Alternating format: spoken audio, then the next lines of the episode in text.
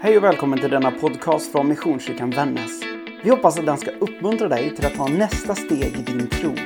Om du vill ha mer koll på vad som händer hos oss, gå in och följ Missionskyrkan Vännäs på Facebook och Instagram eller kontakta oss via vår hemsida www.missionskyrkanvannas.se Välkommen hem hit! Välkommen till gudstjänst i Missionskyrkan Vännäs. Vi befinner oss idag i isladan här i Vännäs och A-lagets omklädningsrum. Sedan ett år tillbaks har Vännäs Hockeyklubb och Missionskyrkan Vännäs ett samarbetsavtal. Det bygger på tron att vi berikar varandra. Att hockeyn har någonting att ge församlingen och att församlingen har någonting att ge till hockeyn. En del kanske skulle säga att hockeyn är deras religion. Att genom hockeyn så finner man tröst och glädje och mening. Men också gemenskap och en trygg plats att vara. Utifrån den hållningen så tänker jag att det finns många goda förutsättningar för goda samtal om livet och om tro. Vi är nu inne på den tredje veckan i vår temaserie om bibliska porträtt av kvinnor. För två veckor sedan så predikade jag över Rebecka. Och förra veckan så predikade Johan om profeten Debora. Idag så kommer jag att tala om kvinnan Lydia som omnämns i fem verser i Apostlagärningarnas sextonde kapitel. Lydia är den första kristna konvertiten i Europa. Och vi möter henne på Paulus andra missionsresa. Och låt oss läsa från den elfte versen och framåt. Vi lade alltså ut från Troas och seglade rakt över till Samotrake och nästa dag till Neapolis. Därifrån fortsatte vi till Filippi, en stad som ligger i första makedonska distriktet och är en romersk koloni. Där stannade vi några dagar. På sabbaten gick vi ut genom stadsporten och ner till en flod där vi trodde att det skulle finnas ett böneställe. Vi satte oss där och talade till de kvinnor som hade samlats. En av dem hette Lydia. Hon var från Thyatira och handlade med purpurtyger och hon hörde till de gudfruktiga. När hon nu lyssnade öppnade Herren hennes hjärta så att hon tog till sig det som Paulus sade. Hon och alla i hennes hus blev döpta och sedan bad hon oss. När ni nu har blivit övertygade om att jag tror på Herren, kom då och bo hos mig. Och hon gav sig inte. Vi befinner oss alltså i Filippi, en stad som ligger i dagens nordöstra Grekland. På denna tiden som texten utspelar sig på så var Filippi ett viktigt handelscentrum och en romersk militärkoloni. Här får vi möta en kvinna vid namn Lydia. Vi får reda på att hon kommer från staden Thyatira som låg i provinsen Lydien som idag är en del av västra Turkiet.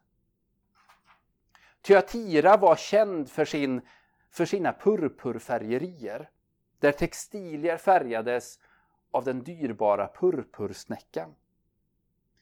Den lila purpurfärgen var en statussymbol och någonting som bara de rikaste hade råd med. Området, Lydien, utgjorde också centrum för Dionysoskulten. Dionysos var en fruktbarhetsgud. Och enligt historiska källor så var det framförallt kvinnor som tillbad Dionysos. Och ofta ute i naturen. Vi kan därför anta att när Lydia och hennes vänner är nere vid floden och tillber, så är det till Dionysos de tillber. Vi kan också anta från texten att Lydia var änka eftersom det var högst ovanligt att en kvinna kunde ha den ställningen som hon hade att handla med purpurtyger. Genom sina tillgångar som hon hade så kan vi ana att hon hade en ganska självständig position. Att hon var ekonomiskt oberoende. Men vi får också reda på att hon var ledare för ett hushåll som antagligen bestod av andra kvinnor och barn. Men det berättas ju också i texten att Lydia var gudfruktig. Att vara gudfruktig på den här tiden, i den här kontexten, innebar att Lydia hon sympatiserade med judarna, även om hon inte var en del av den judiska religionen och tron. Vi kan alltså sammanfatta med att Lydia var ekonomiskt oberoende. Hon var självständig och hon tyckte att majoritetsreligionen i judendomen, den var helt okej. Okay. Utifrån det här så kan vi dra en hel del paralleller till dagens Sverige. För visst är det så att i Sverige idag så lever många ett ganska bra ekonomiskt liv. Självständighet är någonting vi lyfter fram som ett ideal och någonting vi tränas i ända från tidiga barnaår. Vi vet också att många sympatiserar med kristendomen och med kyrkan, även om man själv inte kallar sig kristen eller troende. 2012 kom det ut en stor studie från Göteborgs universitet som sa att 78 procent av Sveriges befolkning är aktiva eller medlemmar i en religiös organisation. Men endast 45% säger sig ha en tro på Gud. Ännu färre, 22% ber till Gud regelbundet och endast 12% samlas till gudstjänst och andra religiösa sammankomster regelbundet. 2005, några år tidigare, gjordes en annan undersökning där svenskars relation till religion och religiös utövning undersöktes. I den undersökningen svarade endast 23 procent på frågan Tror du att det finns en gud? Däremot svarade hela 53 procent ja på frågan Tror du att det finns någon slags ande eller livskraft? Alternativt Gud är något som finns inom varje människa snarare än utanför. I samma undersökning så frågade man hur många som inte tror på Gud. Och så gjorde man en uppföljning ett par år senare. Man märkte då att andelen hade minskat av de som sa sig inte tro på Gud. I samma undersökning så sa 42 procent att vetenskapen gör religion överflödig. Svenskens relation till religion är ju minst sagt lite ambivalent. Man skulle kunna säga att svensken har ingenting emot kyrkan, men heller inget större intresse att vara en del av den. Svensken tycker kyrkan gör bra grejer, men identifierar sig inte med den. Och svensken kan konturerna av den kristna tron, men förstår inte riktigt trons perspektiv. Berättelsen om Lydia är på så sätt kanske också en berättelse om vår tid. Kanske kan Lydias liv utmana oss. För Lydia, hon hade ju antagligen fått kämpa för sin position, för sin självständighet och för sin frihet. Och där skulle vi kunna ställa frågan varför skulle hon riskera allt det? Varför skulle hon sätta Gud på den platsen som hon hade jobbat så hårt för att åstadkomma? Vad hade hon egentligen fått grepp om som gjorde att allt det hon hade byggt upp kunde riskeras genom att ansluta sig till de troendes gemenskap?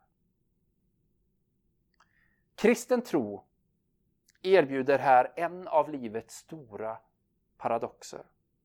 Ett trons mysterium som går tvärt emot vår tid. För kristen tro säger att det enda sättet att vinna livet är att ge bort det först. Ibland kan vi tro att vi förlorar oss själva när vi närmar oss Gud. Men kristens tro säger att det är tvärtom. Att sann frihet kan endast få genom att ge bort allt för att först då få det åter. Livet kan liksom inte erövras. Det kan bara tas emot som en gåva och levas ut. Vi kan känna igen samma mönster i kärleken eller i hoppet. Kärlek och hopp och tro kan inte erövras utan bara tas emot som gåvor. Men då behöver vi först kapitulera och ge oss själva för att först då kunna få det åter. Berättelsen om Lydia kanske också är en påminnelse och en berättelse om den kristna kyrkan. När vi följer vad Paulus gör i det här stycket så står det att Paulus gick till ett ställe där han trodde att människor tillbad. Men han gick inte till synagogan utan han gick ner till floden. Jag tänker att kyrkan behöver ställa sig frågan vad människor tillber idag. Var är det människor finner mening, tröst, glädje och gemenskap? Kanske är det på ställen som här, i hockeyhallen. Kanske är det på en skogspromenad eller kanske i shoppingcentret. Paulus, berättas det, gick och satte sig bredvid kvinnorna och samtalade med dem. Han delade antagligen sin tro med dem, men vi vet inte så mycket mer om samtalets innehåll. Men vi kan ana, eftersom det var ett samtal, att det var ett möte mellan människor där de delade livet. Och där kan vi som kyrka ställa oss frågan, när senast hade vi den typen av samtal? När satte vi oss ner och samtalade med människor och delade livet och delade vår tro? Och det som händer, berättar texten, det är att Lydias hjärta öppnades. Jag tänker att det innebär att hon kände igen Gud i sitt eget liv. Och att hennes tidigare sympatier för, för tron förvandlades till någonting mer. Hon tog steget från att tycka att det var något bra till att faktiskt själv vilja bli en del av det. Här har kyrkan stora utmaningar. Där vi behöver ställa oss frågan, hur erbjuds människor från att gå från att man tycker att någonting är bra till att själv bli en del av det? Att man är inte bara en del av en verksamhet eller en tradition utan man blir också en del av trons mysterium. Kanske är vår utmaning som kyrka att när vi går till nya platser se möjligheterna. Och att när vi väl kommer till de platserna, att då ta oss tid till att sitta ner och samtala.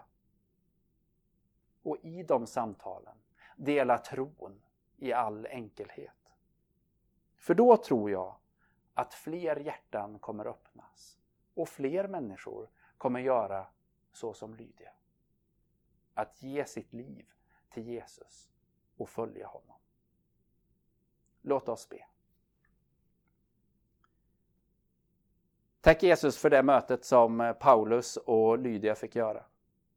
Tack att det mötet kan få inspirera oss idag. Påminn oss också om Lydias resa, om att ge sitt liv för att vinna det åter.